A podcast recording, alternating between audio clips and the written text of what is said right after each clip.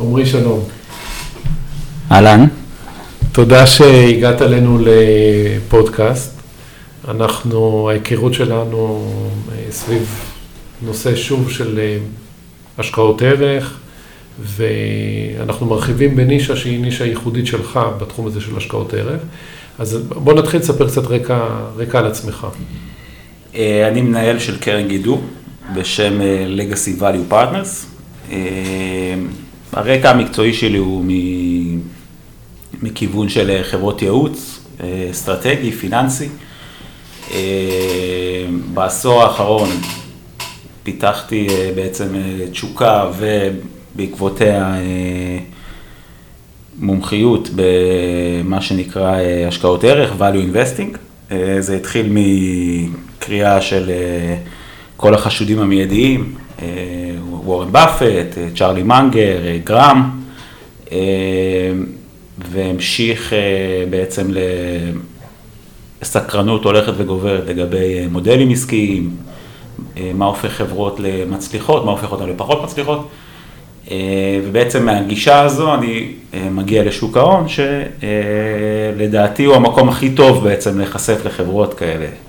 בניגוד לפעמים לכל מיני תפיסות שמעדיפות הון סיכון, דברים מהסוג הזה, כדי להגיע לחברות מעניינות, אני חושב ששוק ההון הציבורי הוא דווקא המקום הכי טוב להגיע לחברות הכי טובות בעולם.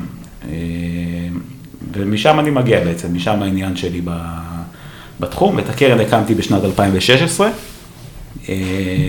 אנחנו קרוב לשלוש שנים, אנחנו פועלים. ובמהלך התקופה, בוא נגיד, אתה אומר שאתה כבר עשר שנים בתוך, ה... בתוך התחום הזה, והתחלת מהתחום של הערך, והיה לנו מספר פודקאסטים על, על, על הנושא של הערך, אבל אחת הדילמות הגדולות זה שיש שאלה מה זה ערך היום. המודלים העסקיים השתנו בצורה מאוד משמעותית מאז, אה, בוא נגיד, שנות ה-60, 70, 80. נכון. אז מה זה להערכתך הערך בימים אלה? אה, קודם כל אתה צודק, יש אה, מה שנקרא disruption. אגב, במאמר מוסגר, אני מצטער שאני כל הזמן נוהג להכניס ביטויים באנגלית, אני דווקא לא אוהב שעושים את זה ברעיונות, אבל לפעמים אין ברירה, כי הז'רגון הוא... הלקסיקון העברי לא מכיל... כן, הלקסיקון העברי לא ממש מכיל זה, אז אני מתנצל מראש בפני המאזינים. אה, באמת יש, איזו, יש איזשהו disruption מאוד משמעותי בפילוסופיית השקעות הערך, גישת השקעות הערך. אה, אולי ב-15 שנים האחרונות אפשר אפילו לומר כבר. אה, מה שקורה זה שהתפיסה הבאפטית הקלאסית של מותגים, קוקה קולה, קראפט, ג'ילט, דברים מהסוג הזה, אה, מאוד התערערה בשנים האחרונות. אה, כמו כן, יש בכל הכלכלה ובכל ה...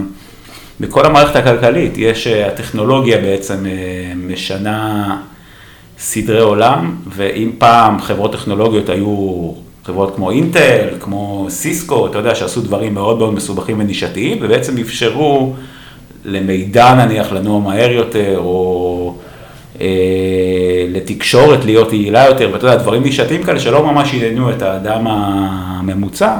אה, היום טכנולוגיה פולשת לכל תחום ותחום, ובעצם אה, מערערת אה, את מה שחשבנו שאי אפשר לערער אותו. כלומר, אנחנו, אם אנחנו רואים היום חפירים כמו של היינס, קטשופ היינס, הם סובלים בגלל ש... חברות טכנולוגיה נכנסות אה, בנעליהן ומציעות אה, גישה מהירה יותר לצרכן ומפחיתות את, ה, את, ה, את שווי המותגים שלהם, משום שכבר מותג זה פחות משנה לאנשים, ואנשים גם נהיים יותר מודעים לבריאות, משום שהם חשופים להרבה הרבה יותר מידע. אה, זה דברים שקשה היה מאוד לחזות אותם לפני 15 שנה. עם באפט, גיש, הגישה המקובלת של באפט ובעקבותיו כל משקיעי הערך שהולכים בעקבותיו, וגם אני עד לפני כמה שנים, הייתה שאני לא משקיע לרוב בחברות טכנולוגיה, משום שאני לא מבין טכנולוגיה, זה המשפט הבאפטי הקלאסי, okay, אוקיי? ואני מעדיף להשקיע במאסטיק מרס נגיד, או אתה יודע, מבעלי המניות הגדולים בחברת הממתקים מרס. אה, היום זה בעצם, אם אתה חושב שחברות טכנולוגיה הן אולי יקרות מדי ובעייתיות להבנה, כדאי שתדע שיש מצב טוב שדווקא החברות המותגים הקלאסיות שאתה מכיר, למשל בטריות, אין אה, בטריות דורסל שבאפט קנה לפני כמה שנים, יש מצב שדווקא בטריות דורסל יאבדו כל סיכוי להרוויח, והרווחיות הגולמית שלהם תתרסק ותחתך בחצי, בגלל שאמזון מוכרים כבר מותגי בטריות משלם שהפכו להיות 40% מהשוק האמריקאי, אוקיי? יכול להיות שזה יקרה הרבה לפני שאותה אמזון, שאתה כל כך אה, חצי אה, מושך ידיך ממנה, וחצי אומר שהיא יקרה מדי, בלתי ניתנת להבנה, הבטריות של דורסל של באפט קנה כנראה אה, יאבדו אה, ערך הרבה הרבה לפני שאמזון.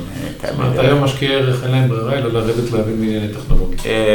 חד וחלק, אבל ההשקעה בטכנולוגיה השתנתה, זה כבר פחות בטכנולוגיה פר סה, אלא זה עבר לחברות שבעצם עושות דברים שבעבר נעשו בעולם הלא טכנולוגי, הם הפכו ועשו אותם באמצעות עזרים טכנולוגיים, אבל אתה יודע, למשל חברות אינטרנט, כמו Booking.com נניח, שזו חברה שאני לא משקיע בה, כי אני חושב שהחפיר שלה הוא בעייתי, אבל נשים את זה שנייה בצד, זו חברה שמחליפה בעצם סוכנויות נסיעות. אה, אז בעצם לקחו משהו מעולם ה offline לעולם האונליין, הם לא המציאו איזה טכנולוגיה כזו מדהימה, זה חברת אינטרנט, היא מפתחת כלים, ואתה יודע, אבל הם לא, לא המציאו משהו, הם לא יקבלו פרס נובל מחר על הפטנטים שלהם, בוא נגיד ככה. אה, וזה היום, אה, זה התחום המעניין ביותר מבחינתי כמשקיע, התפר הזה שבין טכנולוגיה לבין תחומים בעולם הפיזי שהוא הולך ומצטמצם. וכמובן, החפירים הכי גדולים גם נמצאים שם היום. אני חושב ש... בוא, בוא, בוא, בוא נתמקד ב... דיברנו קודם על, על תמות. בתוך העולם, הרי בתוך הטכנולוגיה זה עולם עצום, עם הרבה מאוד דברים אה, אה, שמתקדמים קדימה וגם דברים שהולכים אחורה. אז מה התמות השקעה שנראות לך רלוונט, רלוונטיות לימים אלה? אה, קודם כל, אני אהבתי באמת לקרוא את המאמר שלך על תמות השקעה. אני חושב ש... תמות, השקעה זה משהו שצריך להיזהר בהשקעה, בהשקעה לפיו. כלומר, אני לא מונחה מתמות השקעה, אני מונחה מחברות שאני אוהב, אה, ואני חוקר אותן לעומק, ואני לומד בכלל עסקים, רוב היום שלי ממש לקריאה מדוקדקת ומאוד אה, נרחבת על מודלים עסקיים, על אה, נישות, על התפתחויות עסקיות. ואז אני גם שמח לראות שהחברה שאני עומד להשקיע בה, גם משתלבת באיזה תמה אה, או באיזשהו טרנד על שקורה בכלכלה על פני עשורים, 20, 30, 40 שנה, אה, וככה זה גם יוצר לי הגנות לחפיר שלי, הגנות ליתרון תחרותי, משום שהשוק היעד מתרחב, אה, ויותר ויותר כסף בעצם של הצרכנים או של עסקים מופנה לכיוון החברות האלה. בקרן אנחנו חשופים באופן מוגבר לחברות מתחומים, מתחומי המדיה, בידור, תיירות וספורט. אה, אני חושב שיש אה, זרימה מאוד מאוד מאוד משמעותית של אה, כסף והון לתחומים הללו, משום שחד וחלק, הצרכנים, הצרכנים מעדיפים לשים שם כסף. כלומר, הנתח... בוא ניקח למשל ספורט כדוגמה.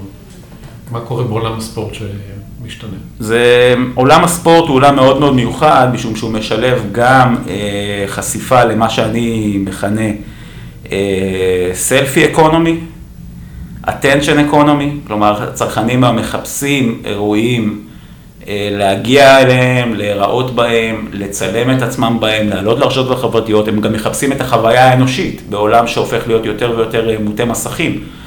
צרכנים מחפשים את החוויה האנושית, את הכוח הבלתי ניתן אה, להכנעה הזה של עשרות אלפי אנשים שרוצים משהו ומאמינים משהו, אם זה הופעה חיה ואם זה אירוע ספורט. בנוסף, זכויות ספורט וקבוצות ספורט וליגות ספורט אה, הפכו להיות המעוז האחרון של המדיה המסורתית. זה מה שגרם בעצם לשילוש או אפילו ריבוע של עלות זכויות ספורט ממוצעת של הליגות הבכירות בעולם. אה, בעצם בשביל להיות חברת כבלים היום או להיות חברת לוויין כמו יס, כמו הוט בארץ, כמו חברות אמריקאיות, אתה חייב היום את זכויות הספורט כדי להשאיר בכל זאת את הצרכנים. אה, למשל בארה"ב יש עדיין 100 מיליון בתים שהם מחוברים לכבלים, זה כמעט בלתי נתפס היום, כי יש לך היום בארה"ב עשרות אופציות אינטרנטיות כמו נטפליקס וכדומה. ועדיין הדעיכה של הכבלים היא מאוד מאוד מאוד איטית, חלק גדול מזה הוא בגלל זכויות הספורט. אוקיי? זה נהיה המעוז האחרון שצרכנים באמת יושבים מול המסך ורואים בשידור חי וחווים בשידור חי, חווים ביחד. אז איך אתה יכול להשקיע בזה? תראה, בשקר אתה יכול לקנות מניות של קבוצת כדורגל כמו יובנטוס או דברים כאלה, לא. צריך באמת להיזהר, משום שלמשל יובנטוס היא באמת חברה ציבורית, כמו שאתה יודע, נסחרת באיטליה, אבל זו חברה שלא מנוהלת באופן עסקי, אפשר להגיד בלשון המעטה. כלומר, זו לא חברה שמנוהלת לטובת בעלי מניותיה, עם אינטרסים חופפים ועם באמת מחשבה על רווחיות. זו קבוצה שהיא בורסאית, בעיקר לצורכי אולי שהאוהדים יוכלו להיחשף ולקנות מניות של, אתה של הקבוצה האהובה עליהם. בקרן החזקנו לאורך תקופה די ארוכה את מניות מדיסון סקוויר גארדן, שזו חברה אמריקאית שהיא, הנכס הראשי שלה זה קבוצת הניו יורק ניקס. שהיא קבוצה זוועתית. ב-NBA, זו קבוצת ספורט זוועתית ב-25 שנים האחרונות, אולי קבוצת, אחת מקבוצות הספורט הכושלות בארצות הברית, אבל זו קבוצת הספורט בעלת השווי הגבוה ביותר בארצות הברית היום. צריך להבין, צריך להבין שה-NBA זו בעצם הליגה המושלמת לעידן החדש של רשתות חברתיות וחשיפה הולכת ומוגברת לשחקנים אינדיבידואליים על פני קבוצות. הניקס הם ממוקמים במנהטן, באופן טבעי יש עליהם את הזרקור, אחד מהשניים הכי גדולים בליגה, יחד עם הלייקרס שממוקמים ב-LA. ה-NBA הצליחה לשלש את ההכנסות שלה מטלוויזיה בעשור האחרון רק, וכל זה אתה מקבל בעצם בקבוצה שהיא אומנם... לא מבזבזת הרבה כסף על שחקנים כאלה. בקבוצה שהיא אומנם כושלת, באמת, אגב, הם מבזבזים דווקא המון כסף על שחקנים, משום ש... אבל ב-NBA יש לך גם תקרת שכר. כלומר, תקרת שכר זה בעצם אה, סוג של מונופול של מעסיקים, או סוג של קרטל של מעסיקים אפילו, אפשר לקרוא לזה, וזה מאושר משפטית בארצות הברית. זה גורם, זה מאפשר לקבוצות NBA להיות רווחיות.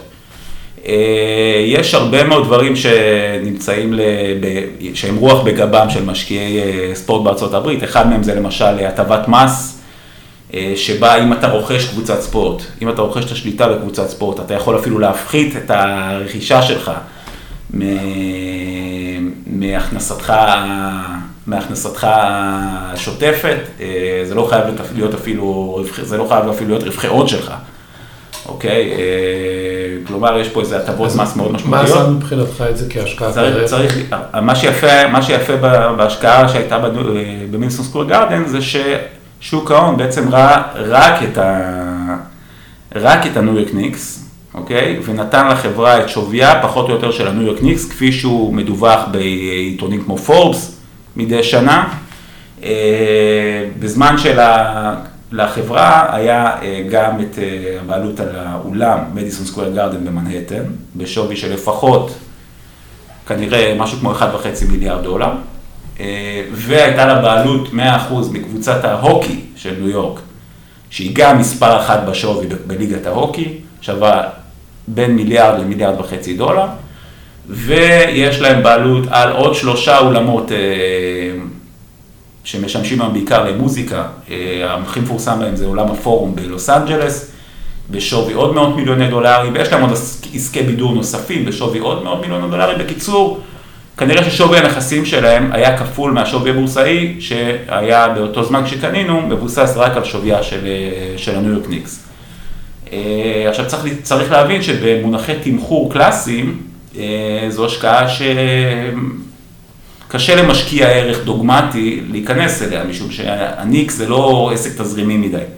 הם לא מייצרים תזרימי מזומנים יותר מדי משמעותיים, הם כן רווחיים, אבל אם היית, אם היית מחשב את המכפיל שלהם לפי נניח הרווח התפעולי או רווח הנקי של 12 החודשים האחרונים, היית מקבל מכפיל של 30 או 40, משהו כזה, שהצמיחה לא מצדיקה אותו לכאורה. אבל יש מאחורינו עשור ואפילו 15 שנה של קבוצות ספורט שמחליפות ידיים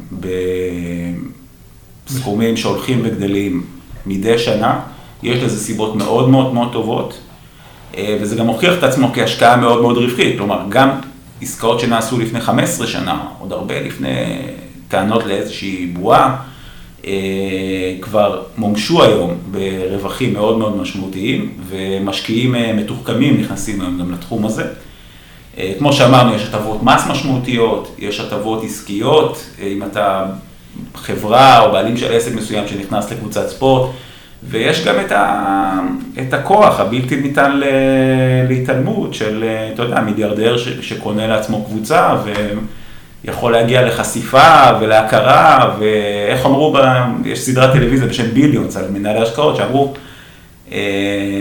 כשאתה קונה קבוצת ספורט באמריקה, ככה האמריקאים ממליכים אבירים. כן. זה, זה האבירות האמריקאית, שנותנים לך לקנות קבוצה ב-NFL, ב-NBA, אגב, כשאתה קונה קבוצה, הבעלים צריכים לאשר אותך. כלומר, זה לא מספיק שהבעלים של הקבוצה רוצה למכור לך, שאר הבעלים צריכים גם לאשר אותך. זה סטטוס. לגמרי, לגמרי סטטוס, אבל זו גם השקעה כלכלית מאוד מאוד הגיונית. לעסק שהחשיפה... אני חושב שג'ף בזוס עומד לקנות אותה, היה שמו. ג'ף ביזוס? כן. אני מאוד... שהוא מציין כלכלת ניו יורק. אגב, ביזוס הוא היום, לדעתי, מי שרוצה להתחיל ללמוד השקעות ערך מודרניות, הדבר הראשון שהוא צריך לקרוא, זה את מכתבי ג'ף ביזוס למשקיעים ב-20 שנים האחרונות. כלומר, זה היום... למה? זה הטקסט כנראה הכי חשוב היום גם למנהל טכנולוגיה, מנהל של חברת טכנולוגיה וגם למשקיעים. כי ביזוס, הכוח שלו באמזון זה במהלך 20 השנים האחרונות השקעות פנימיות. כי הדרך שבה הוא בוחר את התחום הבא שאמזון תיכנס אליו, את, המוצ... את המוצר הבא שהיא תשיק, את, ה... את ההתייעלות הבאה שהוא רוצה להשקיע בה, היא בעצם, זה, זה, זה בעצם אופן חשיבה. זה מלמד אותנו איפה הצמיחה העתידית תהיה? זה מה שאתה מנסה זה גם צמיחה, אבל גם, תראה, באמת אמזון מזוהה עם צמיחה ומזוהה עם growth, investing, ולא עם value investing, אבל המשפט שאני הכי אוהב של ג'ף בזוס זה, הוא, הוא, בעצם, הוא בעצם אמר לפני כמה שנים, שאנשים תמיד באים אליו ושואלים אותו, מה ישתנה בעוד עשר שנים, משום שהוא נחשב לסוג של, סוג של איזה נביא, כן? זה בן אדם שבעצם חזה את האינטרנט כבר לפני 20-25 שנה. אבל הוא אומר, אל תבואו ותשאלו אותי מה ישתנה בעוד עשר שנים, תבואו ותשאלו אותי מה לא ישתנה בעוד עשר שנים. הוא אומר, זו שאלה שיכולה להיות הרבה יותר רווחית, אם נענה עליה נכון. מה בעצם אה, כדאי להשקיע בו, כי אנחנו יודעים שיש לו עמידות של עשרות שנים קדימה. הוא אומר שאמזון תמיד תשקיע בלהפוך את השירותים שלה ליותר נגישים ויותר זולים. הוא אומר, לעולם לא יהיה מצב שצרכנים פתאום יגידו, אנחנו, מספיק לנו, לא צריך להוזיל את המחירים, טוב לנו ככה, עזוב. כלומר, בוא תייקר מחירים. אז, ב, אז דיברנו על ספורט, אז איזה עוד תחומים זה רלוונטי, לפי דעתך? מבחינת, מבחינת, אתה יודע, טביעת רגל של, של עסקים, הכוונה? כן, טביעת רגל בעצם בתור משקיעים, איך אני יכולה להסתכל? דיברנו על מדיה, מדיה זה מקום טוב להיות בו? כן, יש... יש מגמה מאוד מאוד חזקה שהיא מושפעת מטכנולוגיה של הסרת חסמים במשק, בכלכלה. זו מגמה שלדעתי היא underrated גם בחישובי תמ"ג, חישובי, אתה יודע, צמיחה מסורתיים. הטכנולוגיה קידמה אותה מאוד קדימה ב-20 שנים האחרונות ובעיקר ב-10 שנים האחרונות. יש כמה דוגמאות מאלפות שכשחושבים עליהן מבינים, okay. מבינים את הכוח של זה. פשוט תנסה לחשוב מה למשל עשה הטלפון הסלולרי. אני לא הולך אפילו לאינטרנט ולזה, אלא משהו שקרה כבר לפני 25-30 שנה. כן, תחשוב על עסק קטן שפתאום מקבל טלפון סלולרי, והוא יכול להסתובב ולנהל את המשרד גם מחוץ לבית, פתאום זה, הוא יכול לגדול פתאום, אני יודע את זה למשל מאבא שלי, שיש לו סוכנות ביטוח בכפר סבא, והוא מספר שב-94, כשסלקום נכנסו לארץ וטלפון סלולרי הפך לנגיש, תוך חמש שנים העסק גדל פי שלוש, בלי שהוא היה צריך להביא אפילו עובד או עובדת אחת. אוקיי? זה, זה בעצם הטכנולוגיה שיוצרת הסרת חסמים, שמאפשרת בעצם לשחרר איזשהו ערך עסקי מאוד מאוד גדול. אז מה, מה החסמים שאתה רואה שמשתחררים כרגע? יש אה, בחמש, שש שנים האחרונות, יש הסרת חסמים מאוד מאוד משמעותית, אבל היא הפכה להיות יותר מאחורי הקלעים, אנחנו פחות רואים אותה. כנראה התחום החזק ביותר שמביא היום להסרת חסמים הוא אה, כל מה שקשור לשירותי מחשוב בענן. היום אתה יכול אה, להקים סטארט-אפ עם השקעה של כמה מאות אלפי דולרים, ואתה לא צריך לשים כמעט דולר של קאפקס, של הון קבוע, בלקנות שרתים, בלקנות, אה, אתה יודע, להקים צוות IT יקר, אה, כמו שזה עד, עד לפני בסך הכל 6, 7, 8 שנים. אוקיי, יש סדרה בשם סיליקון וואלי, סדרת טלוויזיה, אה, שמשודרת גם בארץ וגם ב-HBO בארצות הברית, שבה רק לפני 5-6 שנים מראים באחד הפרקים איך השרתים שלהם, הם, הם, חבורה של חבר'ה שהקימו סטארט-אפ, ומראים באחד הפרקים איך, השר, איך השרתים שלהם התמוטטו, וזה ממש עמד למוטט כל העסק. היום זה כבר היסטוריה עתיקה, אנחנו בסך הכל כמה שנים אה, מעטות מהשידור של הפרק הזה, שהיה מאוד מצחיק אגב, וזה היסטוריה עתיקה, משום שהיום כל סטארט-אפ שקם, הוא עובד על המערכות מחשוב ענן, אם של אמזון, אם של מייקרוסופט, אם של גוגל, אה, אם זה בסין אז של, אה, של עליבאבא, ויכול להפנות בעצם את מאות אלפי הדולרים הראשונים שהוא מגייס לבניית מוצר כמה שיותר טוב, ואולי לשיווק אפילו, להתחיל כבר מיד לשווק, ולא לא לחכו, לא לבזבז בעצם אה, מיליוני דולרים על תשתיות, אוקיי? זו הסרת חסמים מאוד מאוד משמעותית. עכשיו, בתוך זה כבר יש עוד כל הזמן חסמים שמוסרים, אה, למשל, אה, רק לפני, רק, רק בסביבות 2011 או 2012 הוצגה לראשונה באופן אקדמי הטכנולוגיה שמאפשרת בעצם לאלגוריתמים לקרוא תמונות. אתה יודע, אלגוריתם, אתה מציין תמונה של ים, והיום האלגוריתם של גוגל יודע שזה ים.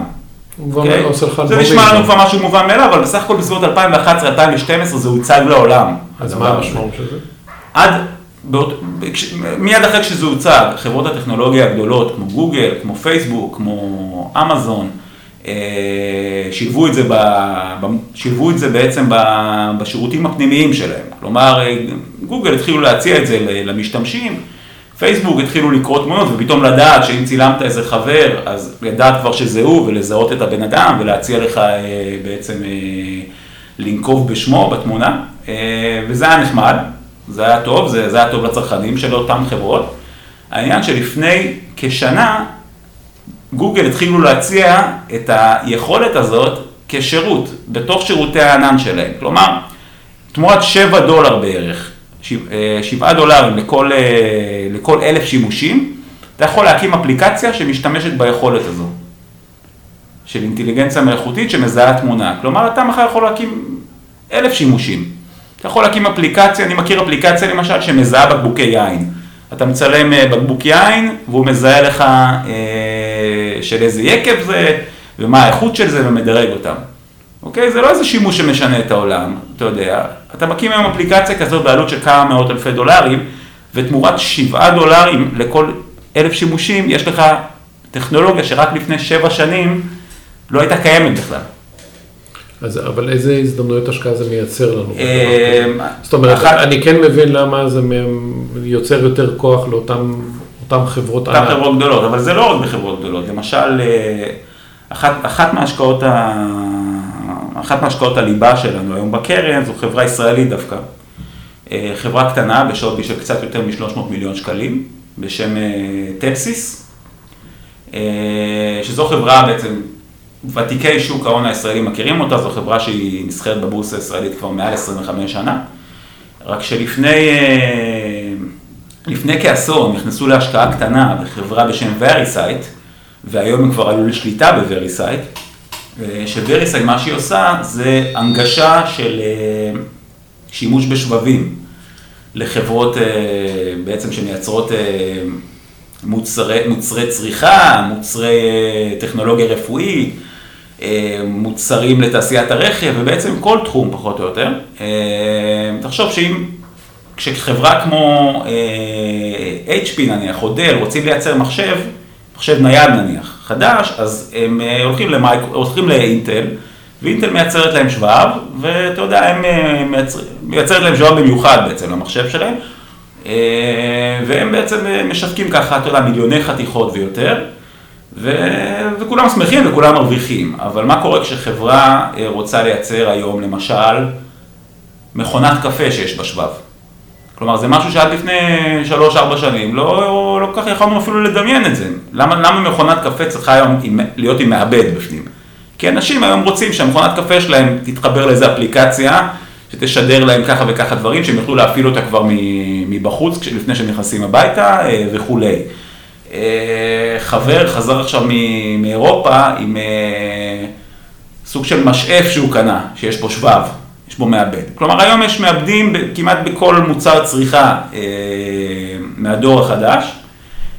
זה הפך גם, גם מאוד הוזל, כל החשיפה הזאת לשירותי מחשוב. וזה בדיוק מה ש-Variscite, שהיא חברה בבעלות טלסיס, עושה. הם לוקחים מעבדים מחברות ייצור המעבדים הגדולות, כמו בעיקר טקסס אינסטרומנטס וחברות אחרות, אה, ועושות, באמצעות אה, תוכנה, הופכים אותם לזמינים כמוצר מדף, שבו כל חברה שמייצרת מכונות קפה יכולה לבוא. למשל, אחד הלקוחות הגדולים שלהם זה חברת אה, הליכונים, חברת כושר, אני חושב מבריטניה, שרצתה לייצר הליכונים עם איזשהו שבב או מעבד בתורה, והם באים וקונים את ה... מעבד שמתאים להם מווריסייט כמוצר מדף, בלי התאמות יותר מדי, בלי קסטומיזציה, בלי עלויות יקרות. אוקיי? אז פתאום נפתח לך עולם שלם של אה, מוצרים שאפשר לשים בהם מעבד אה, בעלות אה, מאוד מאוד סבירה. עבור וריסייט זה מאוד מאוד רווחי, זה עסק עם שולי רווח מאוד מאוד גבוהים, זה עסק שהוא עסק שירותים בעיקרו, למרות שהם מוכרים מוצרים. אה, בעצם הכוח העיקרי שלהם זה בפטנטים שלהם להנגשת השבבים הללו ובעצם בתוכנה שהם פה מאחורי הקלעים. כאילו שבב טיילור מייד כזה. אה, זה שבב שהוא לא טיילור מייד, הוא מוצר מדף. הוא מוצר מדף שיכול להתאים להרבה מאוד שימושים. אוקיי. אוקיי? ובגלל שזו חברה ישראלית, קטנה, שווי של משהו כמו 300 מיליון שקלים, אין החבאת אל הכלים, הם גם, במקרה של טלסיס, הם גם בקושי מפרסמים מצגות. אה, לא, לא מספיק מדברים למשקיע, לשוק ההון ולמשקיעים המוסדיים בשפה שהם אוהבים שמדברים להם, ואתה יודע, אני עושה במרכאות, אה, מאכילים אותם בכפית, אה, זו גם חברה שלמרות צמיחה של עשרות אחוזים בשנה, גם בשורה העליונה וגם בשורה התחתונה, אנחנו הצלחנו לקנות אותה במכפיל של משהו כמו שבע. אוקיי? מכפיל שהוא בעצם מייצג חברה שהיא אפילו בדעיכה. אה, שילמנו על חברה שהיא בצמיחה מאוד מאוד חזקה ונהנית מרוח אה, גבית מאוד מאוד משמעותית אה, אז, בשוק שלה. אז עכשיו אם לא נתעסק בדוגמאות, אלא לנסות להבין את התהליך של החשיבה, השונות הגדולה בין העסקים שדיברנו היא מאוד מאוד גבוהה. אז כשאתה בא לרכוש חברות, כמה חברות, אומרת, מה המודל העסקי שאתה שם עליו עכשיו את התשומת לב העיקרית? כי אמרנו שהמספרים זה, אי אפשר להסתמך על ה textbook הישן כן. של מכפילים. כן. אז, אז קודם, מה, קודם כל צריך לומר שלפני הכל זה לא שאני זורק את, שלא, שלא יבואו אליי אחרי זה, אתה יודע, אנחנו סך הכל זה קהילה שהיא קצת כמו, יש פה גם אלמנטים קצת של אה, דת, אתה יודע, כן. דת הערך. שזה לא יבואו אליי ויגידו... עכשיו אתה צריך להחליט אם אתה פרוטסטנטי. אני, נכון, נכון. אני אה, כן מקפיד על תמחור סביר בחברות שאני קונה. Okay, אוקיי? הדרך שבה אני מגיע להחלטה שהתמחור הוא סביר, היא לפעמים אה, דרך אה, מקובלת ושמרנית, ולפעמים היא דרך אה, פחות אורתודוקסית, כמו למשל במדיסון סקוויר גארדן שדיברנו, שזו הייתה השקעה מאוד מוצלחת, שמכרנו באמת, ב, אתה יודע, בצורה מאוד, מאוד משביעת רצון. כשאני, כשאני ניגש לחברה, בעצם הדבר שהכי חשוב לי קודם כל זה ההנהלה. אוקיי? יש הבדל עצום, יכול להיות הבדל עצום בביצועים של עסק שההנהלה שלו היא מחויבת לטובת כלל בעלי המניות בחברה, וכשאני אומר כלל אני מתכוון גם בעלי מניות המיעוט, כמונו, כלומר אני לא מגיע לאיזושהי, לאיזושהי החזקת רוב הרי בחברות. והדגש שהיא נותנת על הקצאת ההון, כלומר מה היא עושה עם הכספים שזורמים בתוך החברה. לחברה יש רווחים, מה היא עושה איתם? Okay, אוקיי? זה אלמנט מאוד מאוד מאוד משמעותי היום בהשקעות ערך, זה אלמנט שההבנה של כמה הוא חשוב צוברת תאוצה בעשור האחרון, לצערי היא עדיין לא הגיעה למשל לתוכניות MBA כמעט. כלומר, באקדמיה, איפה שמלמדים חלק ממנהלי ההשקעות של המחר, עדיין לא שמים על זה מספיק דגש. אני יכול לתת דוגמה, למשל, לעוד השקעה משמעותית בקרן, בחברת פייסבוק, שזו חברה שההשקעות הפנימיות שהיא עושה, גם במוצרים חדשים, גם בפיצ'רים חדשים בעצם בפלטפורמות שלה וגם ברכישת חברות, הסיעו לה תשואה שנתית מצטברת של עשרות אחוזים בשנה בעשור האחרון. אפשר לתת דוגמה, הדוגמה הכי טובה, הדוגמה המאלפת, היא לרכוש את אינסטגרם. את הרשת החברתית בעצם השנייה בגודלה בעולם בשנת 2012 בסכום של מיליארד דולר באותו זמן. עכשיו הסכום הזה הביא לגל כותרות אה, מסיבי של בועה בתחום, אה, בתחום אה, הרשתות החברתיות. אנשים לא הבינו איך אינסטגרם, חברה שלא היה לה הכנסות באותו זמן, היא הייתה עם 14 עובדים באותו זמן ו-50 מיליון משתמשים, שזה מאוד מרשים, אוקיי? אם פייסבוק לא היו קונים את אינסטגרם היום, יש סיכוי טוב שהשווי של פייסבוק היה עם 70-80 אחוז פחות ממה שהוא.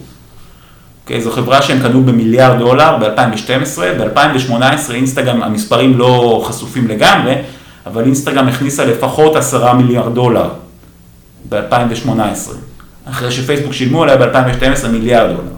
השווי הסביר של אינסטגרם היום הוא כנראה צפונה, צפונה ל-100 מיליארד דולר, ואני מאוד מאוד מאוד מאוד אה, שמרני פה. מדובר פה במכונה רווחית להחריד. כלומר, הרווחיות פה של העסק הזה אה, מאוד מאוד משמעותית, זה בעצם, זה בעצם כלי השיווק והפרסום אה, מספר אחת בעולם. ופייסבוק בהשקעה פנימית, באיזושהי רכישה ש... אתה מעריך את ההנהלה שלה לצד הזה. אני מעריך את ההנהלה שלה מאוד על הצד הזה, אבל הוא באמת הצד הכי מפורסם והכי, אתה יודע, שניתן באמת להסביר אותו יחסית בקלות. יש עוד לפחות עשרה צעדים כאלה. בתוך פייסבוק במהלך העשור האחרון שהשיאו ערך עצום, עצום, עצום למשקיעים, ערך פנימי. ערך פנימי שהלך וגדל. אם זה גם רכישת וואטסאפ ב-2014, בסכום ששוב פעם עורר זעקות, בועה, בועה, בועה, זה היה משהו כמו 19 מיליארד דולר אז, שחלקו המשמעותי במניות פייסבוק. אמ, ובעצם, ארבע שנים אחרי, מרק צוקרברג מתראיין ואומר שהכיוון החדש של פייסבוק, כדי להמשיך לשגשג לאורך העשורים הבאים, הולך להיות אה, הודעות. הודעות בין משתמש למשתמש ולא רשת חברתית ציבורית. Okay, אוקיי? כלומר, וואטסאפ, שהיא בעצם היום עם 1.5 משתמשים יומיים, 1.5 מיליארד, 1.5 מיליארד אנשים שמשתמשים באפליקציה יום-יום, זה כוח כלכלי אה, עם פוטנציאל שבאמת לא קשה מאוד להתאמן, שכרגע עושה הכנסות שהן שוות בדיוק לאפס. אוקיי? אה, שוק ההון חושב שבעצם, כרגע מעריך את פייסבוק לפי זה שוואטסאפ כנראה לא יעשו כסף. אה, כשאני בא ומסתכל על הטראק רקורד של הנהלת פייסבוק בלעשות כסף מדברים שהרבה אנשים טענו שלא יעשו כסף, ואם זה פייסבוק עצמה לפני 12 שנה, ואם זה אינסטגרם לפני 5-6 שנים, ואם זה אה, פיצ'רים אה, מחוץ, ל, מחוץ לאזור המרכזי בפייסבוק, מחוץ לניוז פיד של פייסבוק, שהיום הם מצליחים לעשות כסף גם מפרסומות בווידאו ומפרסומות אה, מפרסומות שקשורות למסחר אונליין ומעוד, ומעוד כמה דברים משמעותיים. ה track record הזה הוא מספיק טוב בשביל שאני אגיד... אז הפקטור הזה זה שזאת אומרת, ההנהלה תמצא את המודל העסקי הנכון. אני משוכנע בזה, כלומר זה, זה כמעט ודאי, כמעט ודאי שעם 1.5 מיליארד משתמשים יומיים, יצלי, יש לנו עסקים אינטרנטיים מאוד מאוד מצליחים בעולם שעושים כסף מ-100 מיליון משתמשים יומיים, צריך להבין. עכשיו, זה לא שהמודל לא קיים, הם כבר פורסים את המודל, בעיקר בהודו ובברזיל כיום, הם פורסים אה, שירות, אפשרות לשלם כסף באמצעות וואטסאפ, כלומר שאתה, אנשים מחברים את הכרטיס אשראי שלהם או את חשבון הבנק שלהם לוואטסאפ וזה מתחיל להיות אה, אמצעי תשלום. יש כבר דוגמה מאוד מאוד חזקה מסין, שבסין היום אה, יש שתי אפליקציות שהן דואופול בשוק התשלומים, אפליקציות שהתחילו כאפליקציות מסרים, כמו וואטסאפ, והפכו להיות אפליקציות תשלומים. אה, וזה כבר שוק של הכנסות של אה, מיליארדים רבים בסין. כמו כן, הם גם פורסים שירותי תקשורת לעסקים בתוך וואטסאפ. יש כבר היום מאות אלפי עסקים שמתחילים אה, לתקשר עם הלקוחות שלהם ישירות דרך וואטסאפ, תחשוב כמה זה, בתור מישהו שמנהל עסק, תחשוב כמה זה יכול להיות אטרקטיבי, אה, לפנות לאנשים באפליקציה שהם באמת משתמשים ביום-יום, ולא להגיד לבן אדם, אוקיי, בוא תן לי את המייל שלך, בוא תוריד את האפליקציה שלי, בוא נשארתי לך אס.אם.אס, אלא להיות איפה שהוא באמת נמצא, אוקיי, באפליקציה שהוא נמצא ביום-יום. אה, בנוסף, הם גם פורסים פרסומות בוואטסאפ באופן מאוד מאוד עדין. אה, מה שיפה בפייסבוק זה שהם כל הזמן חושבים לטווח הארוך, כלומר, הם כל הזמן חושבים על חוויית המשתמש, אה, הם קוראים לזה ה-wellness של המשתמשים, כלומר, הם יכלו לעשות הרבה יותר כסף כבר במיידי מלהציג למשתמשים עוד איזה סרטון ויראלי שלא נותן להם ערך, או עוד איזה, אתה יודע, משהו שישיג עוד איזה עשר דקות שימוש ביום, אתה יודע, מהסוג הזה, אבל הם למשל עשו צעד, צעדים אקטיביים דווקא להפחתת השימוש של משתמשים לפני כשנה. שוק ההון אגב מאוד לא אהב את זה, וזה חלק ממה שגרם לירידות במניה בש... במהלך המחצית הראשונה של 2018, אה, יחד עם הכותרות השליליות שהיא קיבלה אה, מכל מיני פרשיות של, אה, אתה יודע, פרטיות משתמשים. אבל מי שמסתכל על עסק בעצם על, מניה, כאיזושהי בעלות ארוכת טווח בעסק, אמור מאוד לאהוב את זה, שפייסבוק אומרים שהם הצליחו בעצם להתמקד. לקצץ התמכרות של משתמשים ולאבד 50 מיליון דקות שימוש כל יום. זה משהו שהם דיווחו עליו כבר לפני שנה. אוקיי, למה? משום שהם הפחיתו את החשיפה של משתמשים לסרטונים ויראליים והגבירו את החשיפה שלהם לקהילות פנימיות, קהילות מקומיות פנימיות. אה, אני למשל, כשאני משתמש בפייסבוק, אחד השימושים שאני יותר מוצא בהם ערך עבורי, זה קבוצות פנימיות, למשל של השכונה שאני מתגורר בה בתל אביב. כאילו סגורות. או של איזשהו תחום עניין, שתחביב שלי שמאוד אה, מעניין אותי. ופחות חדשות. פחות חדשות, אה, אתה יודע, אה, סנסציוניות, או סרטונים ויראליים כאלה, אתה יודע, רק לראות איזה חתול מסתובב, למרות שאשתי למשל מאוד אוהבת חתולים בפייסבוק. כי זה פשוט מצחיק, זה פשוט נורא מצחיק להסתכל על זה. בכל אופן, כשהנהלה אומרת לי שהיא מקריבה את הטווח הקצר בשביל הטווח הארוך, ויש לה גם טראק רקורד שעומד מאחורי האסטרטגיה הזו, זה משהו שאני מאוד מאוד אוהב כמשקיע. אוקיי? עכשיו צריך, צריך לזכור שאחרי כל זה, אנחנו משלמים, אפילו אחרי עליות של יותר מ-30 אחוז, יותר מ-30 אחוז מתחילת 2018, אנחנו משלמים על פייסבוק מכפיל תזרים, כן? אני לא ממציא פה איזה מונחים אה, מיוחדים מתחום ההזיקות, משלמים עליהם מכפיל תזרים שדומה מאוד למכפיל השוק הכללי. דומה מאוד למכפיל ה-S&P הכללי. כלומר, זו חברה שצומחת מעל 30 אחוז בשנה, בשורה העליונה. אבל היא לא יקרה תזרימית. וחד וחלק, לא יקרה מבחינה תמחורית לעומת ה-S&P. כלומר, יש פה איזה סוג של, לדעתי זה אנומליה, ש... איזשהו פריימור כזה שהוא מאוד מאוד אטרקטיבי. אז קודם כל תודה רבה שהשתתפת איתנו בפודקאסט, הרחבת לנו את כל התחום של השקעות ערך לתחומים חדשים. שמחתי מאוד להשתתף. ונהיה במעקב, וננסה בהמשך על תחומים חדשים. תודה רבה. תודה רבה.